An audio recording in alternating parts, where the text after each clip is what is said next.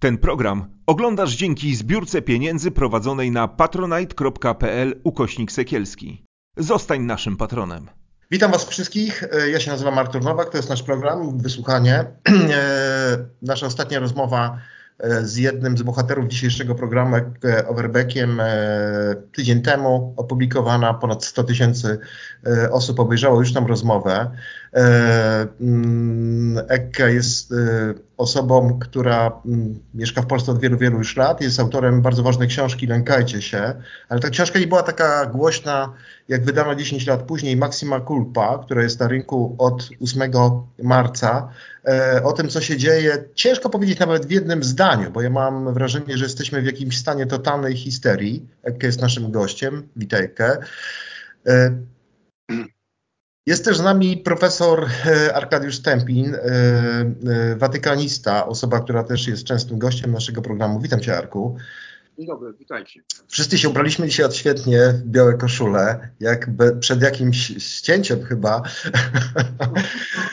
E, muszę wam powiedzieć, że groźnie to wszystko wygląda, ale potrafimy się z tego śmiać. E, zacznę może od e, pytania do Ek, no bo to nie jest śmieszne, co się dzieje. Nie jest śmieszne. Ja muszę powiedzieć, że czytam listy, czytam różne przemówienia. To jest jakaś zbiorowa histeria w ogóle, oświetlenie różnych budynków postacią Jana Pawła II. Ta Elżbieta Witek, która zrównuje wszystkie osoby, które śmią w jakiś sposób zniuansowany i krytyczny Janie Pawle II do jakichś spadkobierców esbecji. List Dziwisza, który jest tak naprawdę jakimś nawoływaniem do mobilizowania się. To są bardzo niebezpieczne, podprogowe treści. Ekke, czy ty się spodziewałeś aż takiego skowytu po książce, po reportażu Marcina? No, człowiek ma różne scenariusze w głowie i no to jest ten trochę pes, bardziej pesymistyczny scenariusz, to co teraz widzimy. Ja chciałbym się trzymać jak najdalej od tego. Uważam, że to jest dyskusja, która powinna być prowadzona na, no, na argumentach, tak, merytoryczne. Um, ja rozumiem, że to w Polsce bardzo duże emocje wywoła, ale ja nie pisałem tę książkę no, tylko i wyłącznie ze względu na Polskę, tak. E, papież był, nie był papieżem Polski, tylko, był polskim papieżem całego Kościoła. I na całym świecie są ofiary, na całym świecie ludzie zadają sobie pytanie od połowy lat 80., kiedy ten kryzys wybuchł, ten kryzys molestowania seksualnego nieletnich wybuchł w Stanach Zjednoczonych, co papież wie, wie, co papież wiedział. No i po prostu, no trudno, ten odpowiedź na to pytanie trzeba było szukać tutaj w Polsce, no i chyba znalazłem. Mhm. Arku, powiedz, czy ty uważasz, że da się zadekretować cnoty papieskie i jakiś immunitet mu stworzyć uchwałą Sejmu? Czy my jesteśmy państwem groteskowym, czy to jest jakaś polska choroba e, taka, że my nie potrafimy e, normalnie rozmawiać z jakimś dystansem o naszej historii, że tak bardzo boli nas, że nasi bohaterowie nie zawsze za, za, zachowywali się w sposób taki, e, który przynosi im przecież e, chwałę, bo to się na całe społeczeństwo e, nie rozciąga, że są w naszej historii takie momenty, w której e, zachowaliśmy się źle, bo ja tu widzę szerszą analogię takiej nieumiejętności, niedojrzałości, e, stawania w prawdzie. To jest jakby takie zwierciadło polskiego społeczeństwa lat 2020 czy to jest niedojrzałość, którą reprezentuje teraz obóz rządzący, niedojrzałość emocjonalną, społeczną tych sektorów naszego społeczeństwa, które ukuły śpiżowy pomnik Janowi Pawłowi II, w moim nawet przekonaniu wbrew jemu, bo na ten pomnik Jan Paweł II nie wszedł i być może nawet zachowałby się zupełnie inaczej w tej chwili, gdyby był świadkiem tej, tej dyskusji. Ale pytasz o, o ten kontekst społeczny. No, analogia z katastrofą smoleńską, która dopuszcza jedną, jedyną wykładnię, interpretację zdarzenia w kategoriach mitu narodowego. Podobna sytuacja, podobna reakcja nastąpiła przy ujawnieniach przestępstwa w Jedwabnym.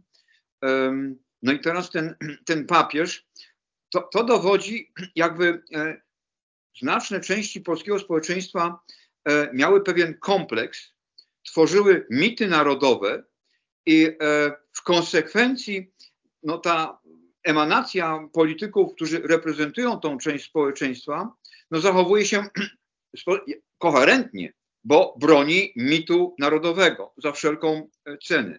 Nie realiów historycznych, nie przeszłości, nie historii, tylko mitu narodowego. I podniesienie Jana Pawła do rangi mitu narodowego no, powoduje takie polityczne zachowania, których jesteśmy w ostatnich dniach świadkami.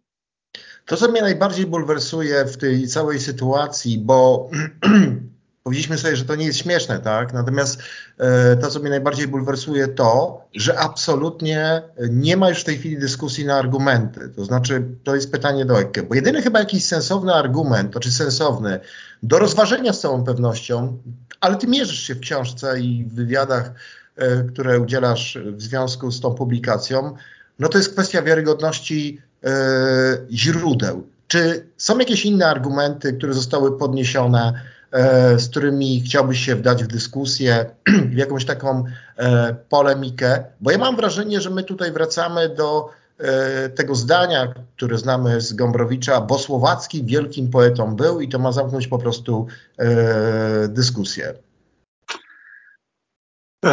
No jest mało jest merytorycznych, no mało jest prób merytorycznych, dysku, dysku, merytorycznej dyskusji, to prawda. No ale są takie próby i faktycznie to, ta, ta próba podważania e, tych, tych, tych faktów, tak, to e, na podstawie tego, że nagle niby te papiery w e, IPN nie mają być, zawierać same kłamstwa. No to jest, to jest nieprawda, mogę jeszcze raz powtarzać jakby argumenty tutaj. Po pierwsze, e, nie opieram się tylko na e, dokumentach e, SB, tylko też na świadkach, to, co oni, oni e, mówią. To są ludzie, którzy jeszcze żyją, którzy pamiętają, którzy opowiadają, potwierdzają, przepraszam, to, co jest napisane w tych, e, w tych dokumentach. E, oprócz tego dużo, dużo te, tego materiału pochodzi tak naprawdę z akt sądowych, tak? Kopii tego, tych akt zostało w archiwum e, SB, ale to są w pierwszej instancji to są, e, to są dokumenty sądowe, tak?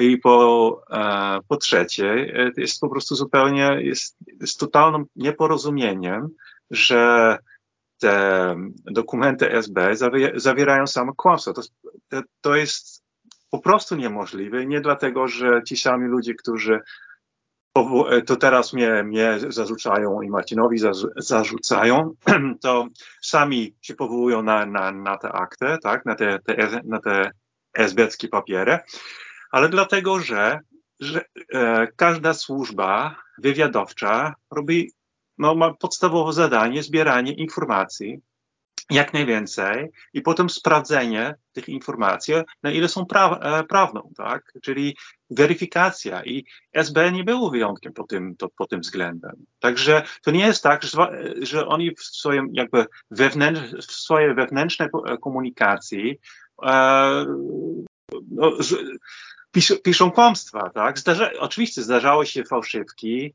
e, e, pułapki, e, preparowane przez SB. Ja pokazuję też przy, e, przykłady tego e, w książce, e, ale te, nawet te pułapki, te fałszywki musiały się opierać o informacjach no, w miarę weryfikowanych, tak, że prawdziwe, bo inaczej taka pułapka nie działa. Także ten cały zarzut jest tak naprawdę no, jeszcze wzmocniony przez różnych tam profesorów, które, którzy już od lat zajmują się tym i jakoś, nie wiem, nie zauważyli tych, e, tych, tych, tych papierów, tych dokumentów, chociaż ja widzę, bo tam jest taki, taki spis zawsze na początku, prawda? Tam widzę, kto wcześniej widział te, te dokumenty. No, w, no, na przykład w przypadku e, księdza Sadusia, czyli ten, tego księdza, którego e, e, kardynał Wojtyła e, wysyłał za granicę do Austrii, kiedy potem, gdy został oskarżany o molestowanie uczniów, w jego przypadku te akty były doskonale znane. Po prostu wielu ludzi to, to, to widziało. Ale ten zarzut, że niby nie miałbym się odnieść do kontekstu, no to jest, to jest przynajmniej dziwne, dlatego że e, no, tam jest tak cztery tam, e, e, cztery chyba z dwunastu rozdziałów są właśnie po, poświęcone kontekstowi, tak? Także to jest, to jest bardzo, no, to jest, nie, to jest dziwny zarzut, nieuczciwy zarzut, albo zarzut, że no, nie przeczytałem, albo przynajmniej nie dałem jakiejś tam biografii, gdzie odnosi się do ilość tam opracowań, zwłaszcza IPN-owskich, to jest, to jest klasyka. Jeżeli e, ktoś chce krytykować jakąś książkę, e, no to mówi, że no ale nie przeczytałeś tego, albo nie cytujesz te, te, tę książkę. I odpowiedź też jest klasyką. Mianowicie, no to pokaż mi, dlaczego akurat to dzieło jest ważne i co by to zmieniło, tak? Bo jest troszeczkę, ale też na, po ludzku też rozumiem tych ludzi, tak? Bo oni poświęcali no, kawał swojego życia e, badaniom e, dokumentów, przeważnie w IPN-ie. No i teraz wychodzą trochę na no, strażników e, trupów w szafie, tak? Tak mhm. naprawdę. Tak. Także to oczywiście nie jest, to nie jest miło, tak? Ja nie wiem, na, o ile oni byli świadomi tego, że coś takiego mają. E, no, przeoczają, przeaczają. E, tego nie jestem, ja, ja, nie chcę tutaj jakby twardych wyroków e, e, no, e, wykonać, ale to jest, e, no, ja myślę, że ta, ta, ta, krytyka pod adresem książki jest e, w dużej mierze chybiona. I to, to, to jeszcze w ogóle nie odnosi się do tych no, infektywów, prawda? Że to ja myślę, że trudność polega na tym też, y, ja może nie wiem, y, może jest to przesada z mojej strony, ale ja mam takie wrażenie, że mamy do czynienia z czymś jednak, y, z czym mieliśmy do czynienia już w historii. To mi trochę przypomina referat Chruszczowa, który opowiadał o zbrodniach w Związku Radzieckim. To mi trochę przypomina dekonstrukcję, dekonstrukcję różnych autorytetów, pokazujących tak naprawdę, że wyhodowaliśmy sobie kult jednostki, jednostki, którą otoczyliśmy pewnym nimbem mitu. Jest pytanie, na ile Wojtyła dbał o to, żeby ten e, nimb to był, to, był, to był tylko i wyłącznie mit, na ile to kwestia jego otoczenia, które miało e, z tego interes. I rzeczywiście w takiej sytuacji ta dyskusja na argumenty zostaje zabita, bo prawda tak naprawdę nie podlega konfrontacji tylko i wyłącznie z jakimiś faktami, które można podnieść, ale jest taka trudna, bo zabija pewną tożsamość, zabija pewien, pewną poetykę naszego społeczeństwa, naszego rozwoju e, duchowego, bo przecież Arku, powiedzmy sobie szczerze, no bardzo mało w Polsce pokazywało się książek, jeśli w ogóle się pokazywały, które w sposób e, taki obiektywny pokazywały postać Jana Pawła II, a druga kwestia to jest taka, że ja nie wiem na ile możliwe były e, mm, e, praktycznie, bo nie mówię teoretycznie, może były możliwe, badania nad tą postacią e, w różnych ośrodkach badawczych, myślę uniwersytetach, uczelniach. No, myślę sobie, że, że, że jednak te odium tego kultu jednostki, tego powszechnego szacunku, które budził papież, no, powodowało, Rzeczywiście to było bardzo trudne, ale właśnie prędzej czy później no ktoś się musiał tym zająć. To jest kwestia czasu przecież. Um, dobre pytanie?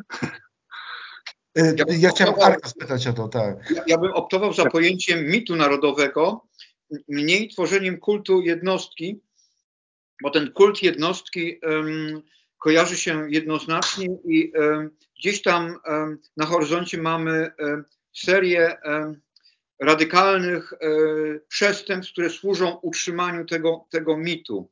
tak daleko bym się nie, nie odważył formułować moich stwierdzeń, natomiast mit narodowy jak najbardziej. I mamy przecież wypowiedź, która koresponduje z tym, co mówił przed chwilą mm, Eke, że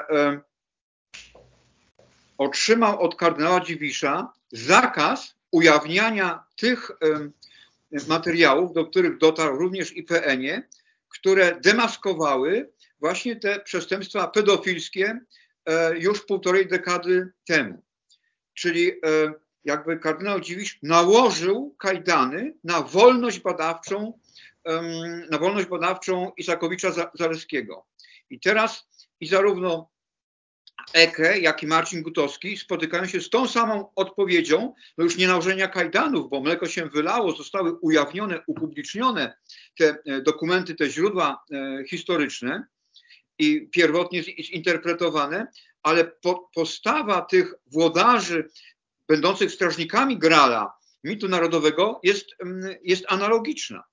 A druga sprawa, krytyka źródła jest podstawą dla wniosków historyka. I z pewnością ustalenia i Marcina Gutowskiego, i Eke wymagają dalszego ukontekstowienia, ale to nie znaczy, że ich rozpoznanie w oparciu o źródła prowadzi do jednej, jednej konkluzji, że to źródło jest fałszywe. Nie, no to jest metodologicznie niepoważne i szkodliwe. No tak. Eke, a powiedz y, taką oto rzecz. Czy coś Cię zaskoczyło jednak mimo wszystko w tych reakcjach? Bo jestem bardzo tego ciekawy, bo pamiętam jak rozmawialiśmy krótko przed premierą książki i rzeczywiście Stasiu Obirek tak wykrakał, że to będzie jakaś bomba sejsmiczna, tak? E, o takim wysokim rażeniu. Ja sobie myślałem, że to jest przesadzone na użytek blerba, e, tylko i wyłącznie, który jest na okładce książki. Natomiast czy coś Cię zaskoczyło jednak e, w tych e, reakcjach? E, pytam się, no bo ja mam swoje refleksje, ale jestem ciekawy tej Twojej. No powiem tyle, że w, u mnie w redakcji, w gazecie w, w Holandii byli no, bardzo zaskoczeni. Tak, ja troszeczkę mniej, bo ja tu żyję i mam jakby no, może bardziej realistyczne wyobrażenie, co, jak, jak realia tutaj wyglądają. Ale no nie wiem, nie chciałbym za bardzo się odnieść do tego, tak, bo to są, mhm. to są przeważnie to są bardzo niemerytoryczne e, reakcje emocjonalne mhm. i no może powiem tyle, tak, że myślę, że no, Polskę stać na to, żeby no, patrzeć na swojego bohatera narodowego w sposób no, mniej dziecinny, tak? Mniej jakby pomnikowo, żeby bardzo go, bardziej go widzieć jak, jak po prostu jak człowieka ze swoimi zaletami, ze swoimi wadami i że i tyle. No. Nie wiem, to trudno mi odnieść do, do, do, do, do reakcji, które no, bywają obrzydliwe, prawda? Um, no, trudno. trudno. Bardzo, nam, bardzo nam przykro z tego powodu, bo rzeczywiście wstydzimy się za każde reakcje, które są pozamerytoryczne, które, które no, mają na celu atakowanie człowieka, a nie argumentów, które podnosi. E, mówiłeś o Sadusiu. Ja się dość mocno wgłębiłem w sprawę e, Grera, tak? E, sprawę mm, nieprawdopodobnej, nieprawdopodobnego awansu człowieka wyjętego tak naprawdę znikąd.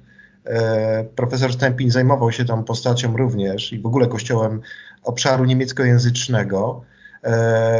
Arku, chciałem się ciebie spytać o taką rzecz.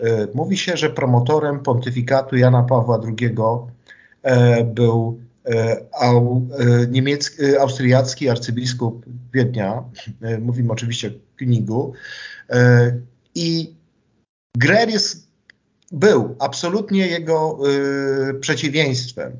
o ile można mówić o jakiejś wiośnie w kościele austriackim, o takim próbie jak gdyby e, korespondowania między wiernymi a hierarchami w czasach właśnie rządów, kiedy sprawował Koenig. E, teraz próbuje to Szorwon pewnie robić. Jest pytanie, jak to się stało, że Wojtyła, no chyba w jakiś sposób zupełnie cyniczny po prostu, będąc naprawdę bardzo niewdzięcznym wobec tego hierarchy, który zmontował ekipę, która go poparła. I wiem to, bo Stanisław Obirek rozmawiał bezpośrednio na ten temat, jeszcze jak żył kardynał. Jest pytanie, o co chodziło po prostu? Czemu wyciągnął y, tego Frankensteina y, z, z, z tego sanktuarium maryjnego człowieka bez żadnych horyzontów szerszych, który według y, dziennikarzy austriackich miał na sumieniu no, 2000 ofiar i ponoć e, to, że molestował młodych kleryków, młodych chłopców, e, to nie była jakaś tajemnica, że sprawnie działająca nuncjatura austriacka, która no, odpowiada jednak za e, nominację w latach 80., z łatwością mogła to odkryć. Halo? Nie słyszymy Cię, Arku? Ko kościół austriacki i niemiecki należą do tych dwóch um, kościołów w Europie Zachodniej, które stosunkowo są blisko Rzymu, no bo holenderski jest dosyć daleko Rzymu, e, ale są liberalne. I teraz e, osoba tego numer jeden, tego zwornika kościoła e, katolickiego w Austrii po odejściu Königa, który był no, liberałem i akurat w tym kontekście nie jest to takie przesądzające, że rzeczywiście kardynał König był tym kingmacherem elekcji Wojtyły, bo to nie ulega wątpliwości. No właśnie nawet e, w towarzystwie tych kardynałów e, niemieckich i, i Hefnera e, przede wszystkim. I Janowi Pawłowi II wydawało się, że jak postawi na czele tego kościoła austriackiego dosyć ortodoksyjnego, fundamentalnego hierarchę, no to pociągnie za hamulec bezpieczeństwa i um, przytamuje te procesy, które kierowały Kościół austriacki w kierunku zbyt liberalnym. To samo dotyczyło Niemiec. Tam był dosyć liberalny arcybiskup, a właściwie kardynał Lehmann, a de facto biskup Lehmann, ponieważ długo ten Lehmann jako biskup Moguncji i szef episkopatu RFN nie miał tej, tego biletu kardynalskiego, bo mu Jan Paweł II odmawiał. Ale Jan Paweł II wykreował w Niemczech ultrakonserwatywnego, e, przeciwstawnego kardynałowi, a właściwie wtedy biskupowi Lehmannowi, kardynała Meissnera. To był ortodoksyjny, fundamentalny hierarcha. I Greer miał być takim e, austriackim Meissnerem człowiek rzeczywiście z takich teologicznych nizin, nieotrzaskany e, wielkiej polityce e, Kościoła, wielkiej polityce watykańskiej, ultramaryjny, odpowiadał profilowi takiego dwugwiazdkowego generała, który spełniałby zadania tej centrali watykańskiej na miejscu e, w Austrii. Krótko mówiąc, Greer dawał indywidualne zabezpieczenie w przesłaniu, że ten kościół austriacki powróci na tory ortodoksji. Mhm. No tak, ale dopytam Cię jeszcze, czy to jest możliwe, E, żeby Wojtyła przy takiej łatwości, jaką miał w wyrzucaniu teologów postępowych z katedr, tak, tropieniu tych wszystkich od, odszczepieńców, którzy śmiali się niuansować rolę kobiet, kapłaństwo kobiet, kwestię związaną z celibatem, z aborcją, no miał aż taką trudność, żeby ustalić, że ten człowiek systematycznie gwałcił chłopców, tak, tysiące chłopców, powtarzam, nie, czy jest to możliwe, żeby on po prostu nie wiedział, tak, takie proste pytanie po prostu stawiam, bo na przykład wiemy już, jeśli chodzi o McCarricka, że Watykan wiedział, tak? Są świadectwa, które pokazują, że sprawy jego nadużyć y, były znane, że był taki człowiek, który przyszedł do niego w latach 80. z McCarrickiem i mówił, McCarrick mnie gwałci, a on zrobił z niego arcybiskupa, a później e, kardynała. I dlatego pytam o Niemcy, no bo tam jest mocny wątek jednak e, tego Sadusia w książce, Arku. Czy to jest możliwe, że on nie wiedział? No bo czy indywidualnie, osobiście nie wiedział e, o skłonnościach homoseksualnych Greyera, tego nie jesteśmy w stanie powiedzieć, bo nie mamy wiarygodnych informacji, czy to najbliższe otoczenie, które de facto podkłada e, papieżowi papier do podpisu i ten i ten podpis jest składany w ciągu pięciu sekund, tego, tego nie wiemy, nie mamy wglądu. Natomiast wiemy, że otoczenie Jana Pawła II, także z późniejszych y, tych przypadków, otoczenie Jana Pawła II szło z nim jakby w jednym takim aksjologicznym e, rydwanie. I ono wiedziało, czyli i musiał wiedzieć kardynał Sodano, i musiał wiedzieć arcybiskup Dziwisz, który potem e, on indywidualnie tworzył takie sito zaporowe przed informacjami dopływającymi do Jana Pawła II. Ale de facto nie jest nawet istotne, czy Jan Paweł na 100% miał rozpoznanie co do skali um, przestępstw um, Hermana Greyera, ponieważ on jest odpowiedzialny za doradców, których sobie dobiera zgodnie ze swoją aksjologią i swoim przekonaniem. Więc um, tutaj e, na 100% wiedział Dziwisz i wiedział kardynał Sodano, wiedział na pewno kardynał Re, kardynał um, Carlo Ruini, szef episkopatu E, Italii i wikariusz e, Rzymu. Więc to otoczenie, za które Jan Paweł II był osobiście odpowiedzialny, bo kreował je personalnie, ono na 100% miało świadomość, kim był Greer do momentu nominacji na arcybiskupa Wiednia. Mhm. Eke, powiedz, czy po Twojej książce ktoś się odezwał? Bo wiem, że Marcin mówił, że się odzywają do niego jakieś osoby. E, czy masz jakieś informacje, że sprawa właśnie mm, rządów e, czasu sprawowania funkcji metropolity krakowskiego będzie jeszcze badana, jeśli chodzi o Jana Pawła II? Chciałbym się najpierw jeszcze odnieść do Proszę, tego, tak, do, do, do sprawy Groera, bo w książce dosyć mocno jakby e, no, omawiam, obszernie omawiam tę, tę, tę sprawę pod kątem właśnie księdza Sadusia, bo e, są jakby dwa pytania, które padają, gdy chodzi o nominację e, Groera. To po pierwsze jest, e, no, skąd w ogóle Jan Paweł II e, znał tego jednak no, dość nie, w sumie nieznanego mnicha z Dolnej Austrii, tak?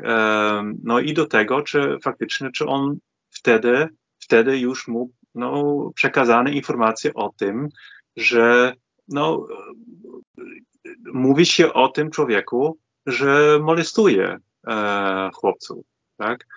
A dlaczego w kontekście Sadusia? No właśnie dlatego, że e, Saduś, czyli ten ksiądz krakowski oskarżany o molestowanie uczniów, wysłany przez Wojtyła e, do Austrii, był proboszczem niedaleko e, Maria Rogendorf, czyli e, to sanktuarium E, e, maryjne, gdzie e, no, pod, pod rządami Groera i tam na miejscu ja, no, wielu ludzi mi pod, potwierdziło, że Groer i Sadusz dobrze się znali. Bardzo dobrze się znali. Poza tym to, że wtedy już, zanim w ogóle dostał nominację do, e, na, na kardynała, na e, arcybiskupa Wiednia, e, tam już wiadomo było, tam przynajmniej te, te, te e, historie już krążyły, że on molestuje e, chłopców. To słyszałem też po prostu z pierwszej, pierwszej ręki, tak, że ktoś mi powiedział, no ale już tu, ta historia tu już krążyła, tak. I poza tym, no oczywiście tutaj ja myślę, że Saduś tutaj jest częściową odpowiedzią na, przynajmniej jest kawałkiem puzli, gdy chodzi o pytanie, e, skąd e, Jan Paweł II wy, wyciągnął tego nieznanego Groera, jak, jak, jak taki no, królik z kapeluszem, tak? Bo e, ktoś tam na miejscu, kto bardzo dobrze znał Sadusia, właśnie zwrócił mi uwagę na, na to, że Saduś wyjechał do Jana Pawła II i normalnie zawsze, jak, jak, jak jeździł do, do Rzymu, to zawsze brał, brał ludzi e, ze sobą, tak, żeby przedstawiać e, papieżowi na, na, na prywatnych audiencjach, a tym razem mówił, on jechał sam. On jechał sam. I to dokładnie w momencie, kiedy te, to nazwisko Groera się, się musiało pojawić na shortliście, na krótkiej liście e, kandydatów. Także to jest bardzo mocna wskazówka, że Saduś tam, no, jak on to określił, oddał swój głos. Ale jest jeszcze coś. No i myślę, że jeżeli wiedziano w, w otoczeniu Jana Pawła II, albo jeżeli w ogóle ta informacja jednak dotarła do niego, że Grower jest oskarżany o to, albo przynajmniej, że te, te, te, te historie krążą, że on e, molestuje chłopców że niebezpieczne go e, mianować arcybiskupem Wiednia, bo przecież te, te sprawy mogą wypły, wypłynąć, to Saduś byłby oczywiście idealnym, idealnym człowiekiem, żeby powiedzieć, że Grower był w porządku. Bo Saduś był w oczach e, Jana Pawła II, był w oczach Jana Pawła II e, przykładem tego, że taki ksiądz, który e, no, popełnił, jak nie on myślał, w kategoriach grzechu, czyli grzech, ciężki grzech, mógł się nawrócić.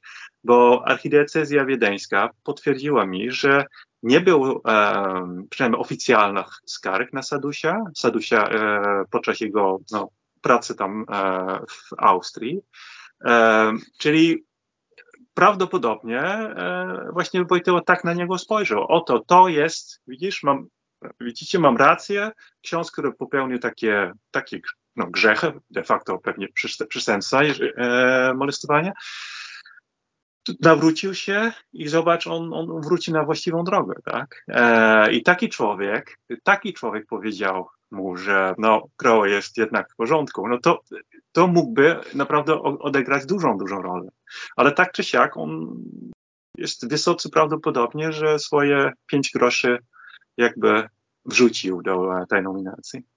Ja myślę, że to jest taka zasada, uderz w, dół, w stół, a nożyce się odezwą i dowiemy się jeszcze więcej o tej nominacji, ale pytam się o książkę, dlatego że e, wiem, że od, od, od Marcina, tak, ja wiem, wiem, wiem, od Marcina, że e, są jakieś echa, tak, bo to często tak jest, że jak jest jakaś ważna książka, no to się ktoś odzywa, mówi, trzeba sprawdzić to, tamto, jeszcze. E, czy ty masz takie kontakty, taki, tak, tak, taki, takie, takie zwrotne informacje, że pojawiają się ludzie z jakimiś nowymi historiami, z nowymi wątkami, e, które być może wymagałyby zbadania?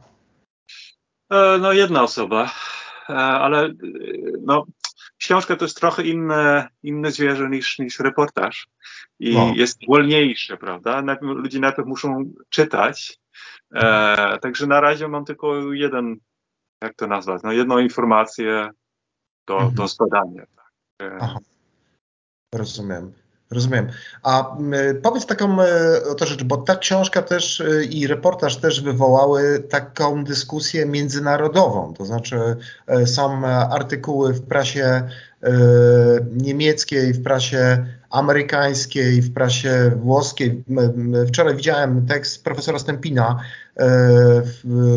wczoraj, przepraszam, w Onecie, ale też Niemcy, jak omawiają tą całą sprawę, też się odwołują do, do Arku, do swoich e, różnych e, koncepcji. Czy ty myślisz, że to zaistnieje jednak na jakiejś wokandzie międzynarodowej? No bo problem polega na tym, że my mamy tu dużo afer na tym naszym e, podwórku w Polsce, wyjdzie jakiś biskup i powie, nie, to jest nieprawda, Sejm podejmie uchwałę i wszystko idzie do szuflady albo gdzieś do kosza.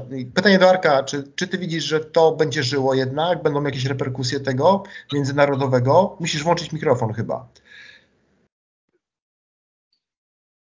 Już do tego momentu, kiedy my w Polsce mamy mm, tą dyskusję wokół stanowiska Jana Pawła II do przestępstw pedofilii y, w Kościele, Ocena Jana Pawła II odbiegała od tego spiżowego pomnika, który został mu wystawiony w Polsce.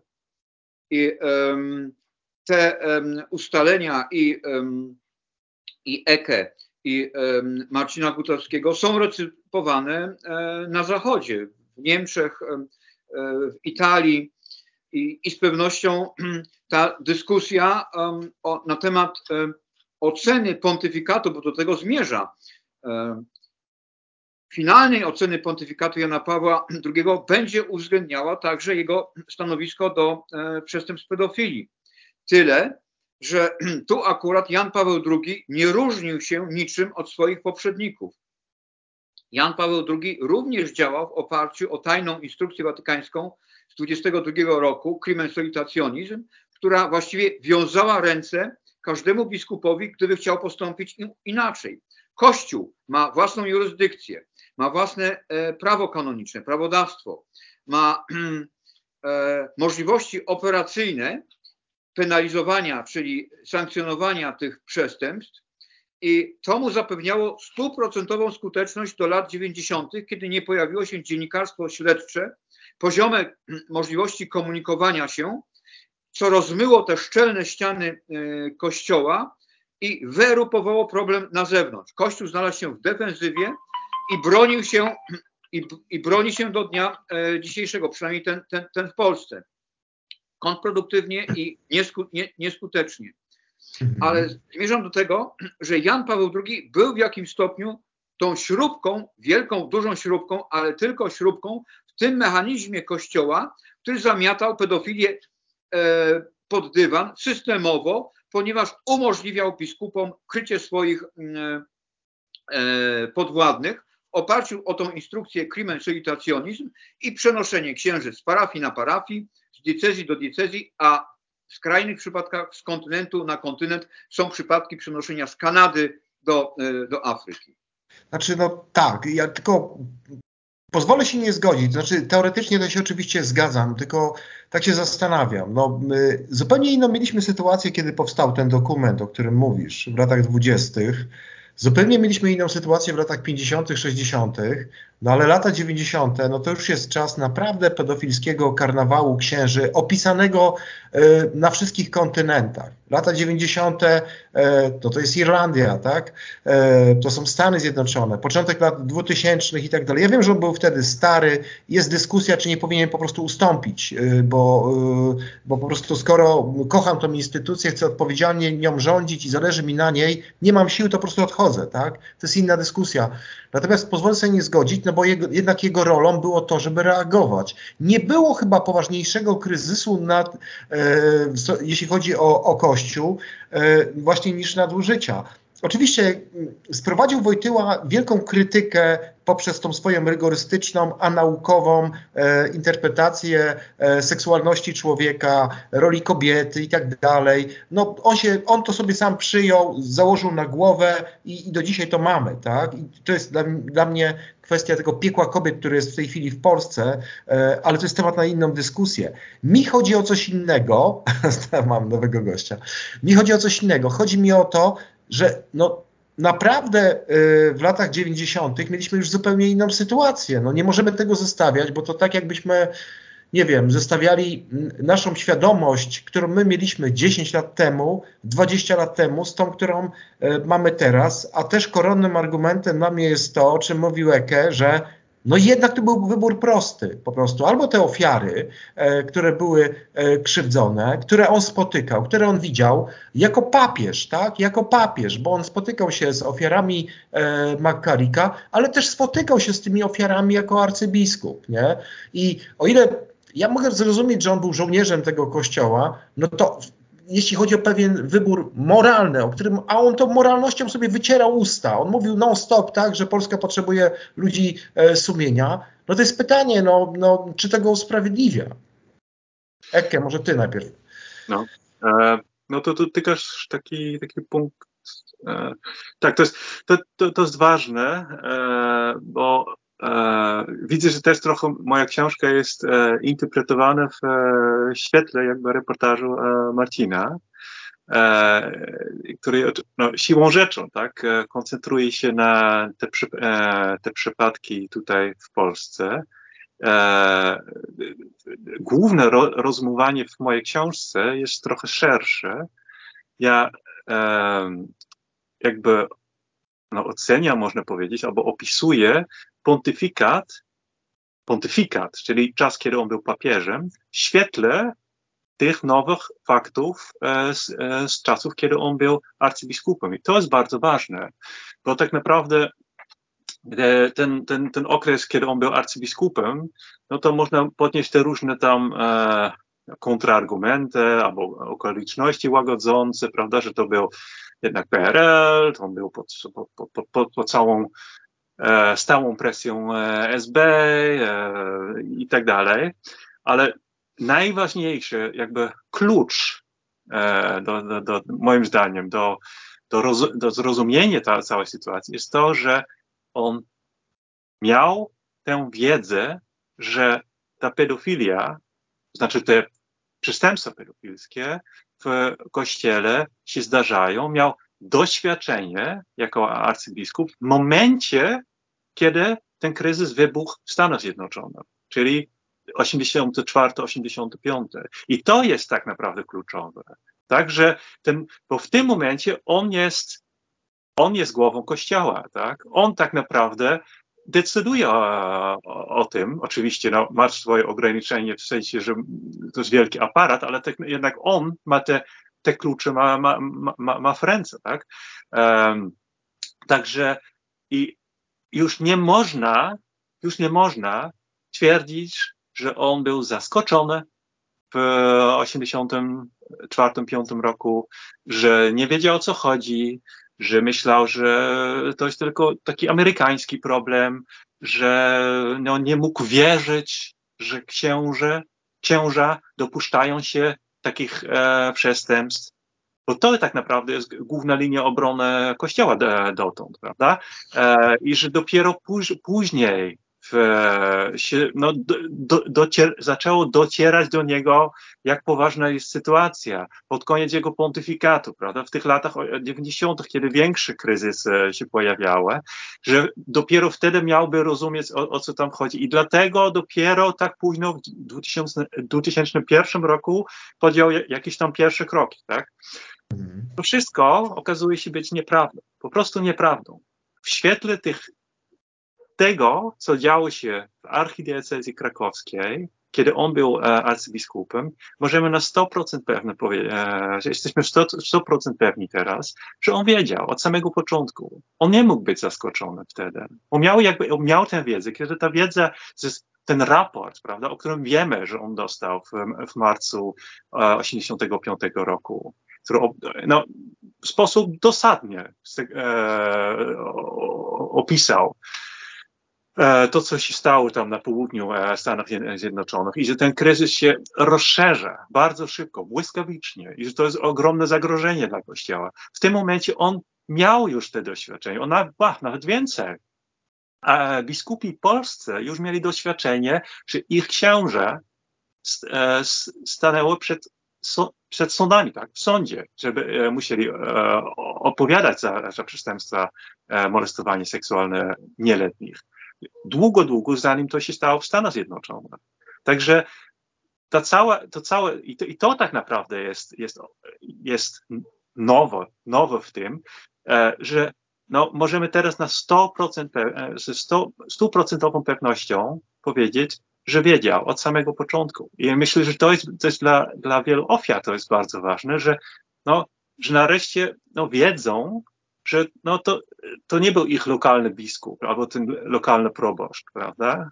Że na tym stał ta, ta, ten, ta, ten szczyt hierarchii kościoła, który po prostu, gdzie po prostu wiedziano o takich sprawach. Tak? Mhm. I nic de facto nie zrobiono bardzo długo. Ale e, Arku, proszę, tak bardzo. Tak, ale tu tym takim naczelnym imperatywem dla działania i, i Wojtyły, i każdego innego biskupa było to nabrane przekonanie uzyskane w latach seminaryjnych, e, bo to jest ten okres, który adolescencyjny dla każdego duchownego, nabranie przekonania, że oni służą jakiejś prawdzie objawionej, są depozytariuszami prawdy objawionej, ale jednocześnie są wtłoczeni w struktury Kościoła. I ta, ta, ta eklezjologiczna lojalność, czyli ta lojalność kościelna jest równie silna, jak kruszenie misyjne kopii o tą prawdę e, objawioną. I w chwili, kiedy pojawiają się jakieś takie konfuzyjne doświadczenia, czyli mamy to, co nie zaistniało, bo zaistnieć nie mogło, czyli ta perspektywa ofiary, no to dlatego nie mogła zaistnieć, bo ona przegrywała, e, położona na jednej szali, przegrywała z położoną na drugiej szali lojalnością wobec Kościoła. I jakby prześledzić nawet te homilie, homilie lat 60., 50., 70. polskich biskupów, ograniczył się do tego, także Stefana Wyszyńskiego, one bardzo podkreślają, silnie, silnie eksponują tę wartość obrony Kościoła. Tym bardziej, że ten Kościół był tu w Polsce zagrożony. Czyli to takie, ta lojalność eklezjalna była równie silna jak misyjne przekonanie o, o, o kruszeniu kopii o prawdę e, objawioną. I w obronie tego kościoła funkcjonował i Karol Wojtyła, i każdy inny biskup na świecie, ale tu w Polsce z tą szczególną e, podwójną motywacją, no bo Kościół znajdował się na tym glacis e, polity, upolitycznienia i walki z komunizmem. I perspektywa ofiary musiała przegrać, ja nie e, tłumaczę, wyjaśniam tylko, musiała ta perspektywa ofiary przegrać z lojalnością wobec Kościoła. I Jan Paweł II był niezwykle e, lojalnym rycerzem e, Kościoła. On miał to jakby no, inkarnowanie, inkarnowane swoją, swoje DNA. Ale to jest też taki paradoks, bo często y, mówi się, że właśnie wszystko tam działa pod natchnieniem Ducha Świętego i to jest ciekawe właśnie, że dzisiaj mówią tak, że on był dzieckiem komunizmu, dzieckiem e, faszyzmu, on wychował się bez matki, on ufał ludziom, tak?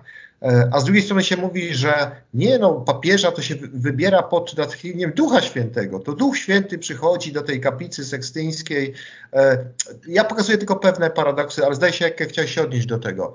To proszę mi tłumaczyć, jak to jest, że przy, przychodzę do, do, do przyjadę do, do takiej wioski, odnajduję ludzi, którzy no, byli molestowani. Rozmawiam z nimi albo przy, i o, oni mi mówią, jest pan pierwszy, z którym to, o tym rozmawiam po, po pół wieku, tak? To proszę mi tłumaczyć, jak to jest, nawet jeżeli to wszystko jest prawda, tak, że, że to walka e, tam trwała, ten obleż, oblężona twierdza i tak dalej, ale jak to jest możliwe, że nikt z tej kurii krakowskiej się nie fatygował, żeby rozmawiać e, no, z rodzicami, z dziećmi, często nawet lokalny proboszcz, nie? Tak? Że i, I to dla mnie jest, jest, jest, jeżeli mówimy o tym okresie e, krakowskim, kiedy on był arcybiskupem e, Krakowa, to jest jednak dosyć jednak bulwersujące, bo naprawdę on by nie przegrał, albo to, to, to, to, nie byłby problem w tej no, walce, nazwijmy to tak, e, z komunizmem, chociaż to też jest, jak pokazuje w książce może nie najlepsze określenie, ale naprawdę to, to byłby problem, żeby, żeby jakiś, jakiegoś księdza wysłać do tej wioski, żeby no, rozmawiać z tymi, z tymi ludźmi, żeby okazać jak, jak, jak, jak, jakąś empatię? Czy to jest działać w duchu Ewangelii? Czy to by, czy to by nie wiem, czy to szkodziłoby e, Kościołowi e, w, w PRL-u?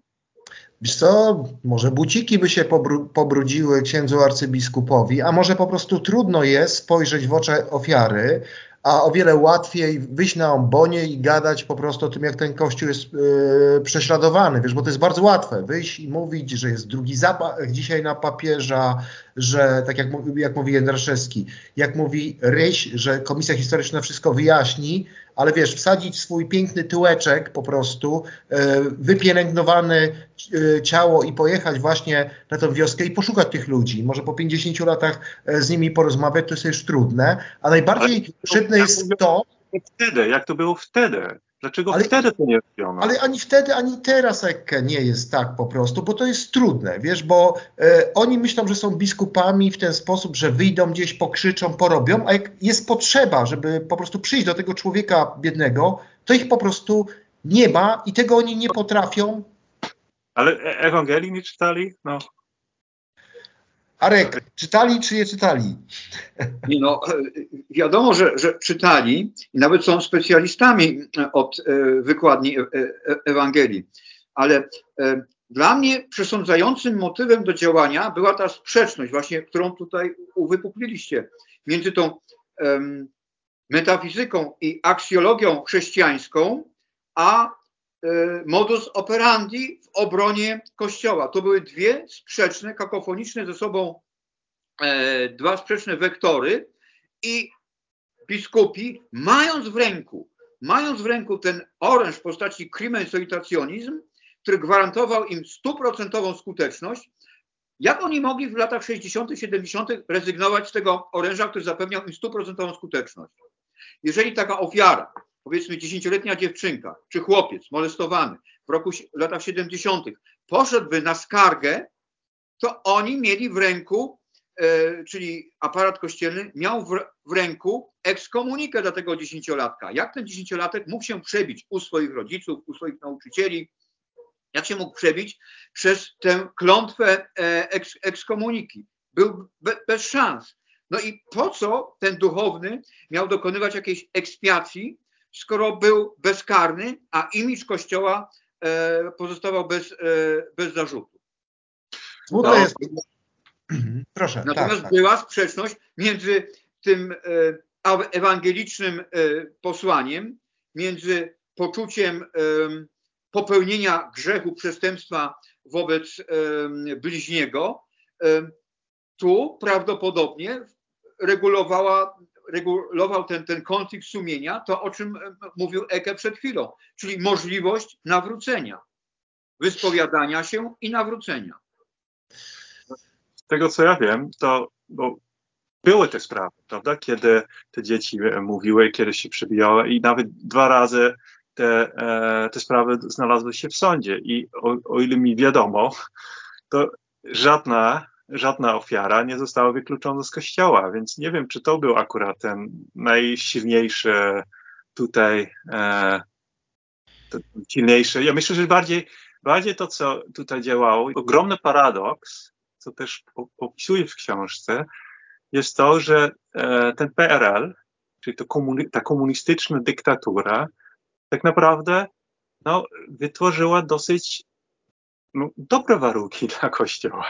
I to jest, to, jest duży, to jest duży paradoks i to też widać w, e, w sprawie e, tych przestępstw e, pedofilskich w Kościele, że skoro te, ten, ten aparat państwowy był tak nastawiony antyklerykalnie i, i była ta, ta retoryka antyklerykalna, no, ludzie kompletnie nie, nie wierzyli oskarżeniom w momencie, kiedy to oskarżenie było prawdziwe pod, adre, pod adresem jakiegoś księdza.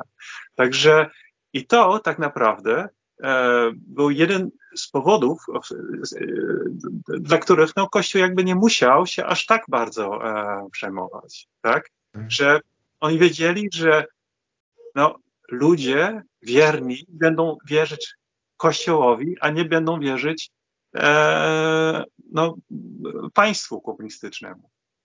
To chyba wyjaśnia właśnie, dlaczego Kościołowi zawsze zależało, żeby ludzie zbytnio religijnie nie byli lotni. Ja przypomnę, e, że jeszcze do niedawna w ujęciu historycznym e, nie pozwalano im czytać Ewangelii w języku narodowym, mieć swoich wykładni na ten temat. No właśnie utrzymywanie takiego biernego elektoratu, który po prostu hołbi ten establishment kościelny w jakiś, jakiś sposób, pewien e, patent, na którym ten kościół działa. Nie rozstrzygniemy pewnie wszystkich jakichś e, pytań, które się pojawiają w związku z publikacją książki. Nie odpowiemy sobie na pytania, które, e, które sobie zadajemy. Bardzo dziękujemy Ci, Eke, za, za tą książkę, dlatego że ona otwiera jakąś dyskusję na ten temat. Słowa Wdzięczności mamy też dla Marcina. To trudna dla nas, dla Polaków dyskusja, natomiast bardzo oczyszczająca. E, ubraliśmy się dzisiaj pięknie, odświetnie dla Was, e, żeby z Wami porozmawiać. Był z nami przez chwilę nawet pies. Nie traćmy pogody ducha w tym wszystkim i starajmy się po prostu szukać argumentów i z tymi argumentami się mierzyć. Myślę, że dla słuchaczy naszego podcastu to jest wartość oczywista. Szkoda, że nie dzieje się tak szerzej. Jeżeli jesteście zainteresowani Karolem Wojtyłą, papieżem Janem Pawłem II, zapraszam Was z profesorem Stanisławem Obirkiem na bezpłatny podcast spot, na Spotify'u Kryminalna historia e, Kościoła. Dostaliśmy za to e, bestsellera. Z profesorem Stępinem przygotowujemy e, publikację, myślę, która też będzie równie e, ciekawa na temat Kościoła e, powszechnego. E, życzymy dużo takiej pogody ducha w tych dniach i pamiętaj, że Badania jasno pokazują, że, że ludzie chcą tej prawdy i robisz bardzo dobrą e, robotę.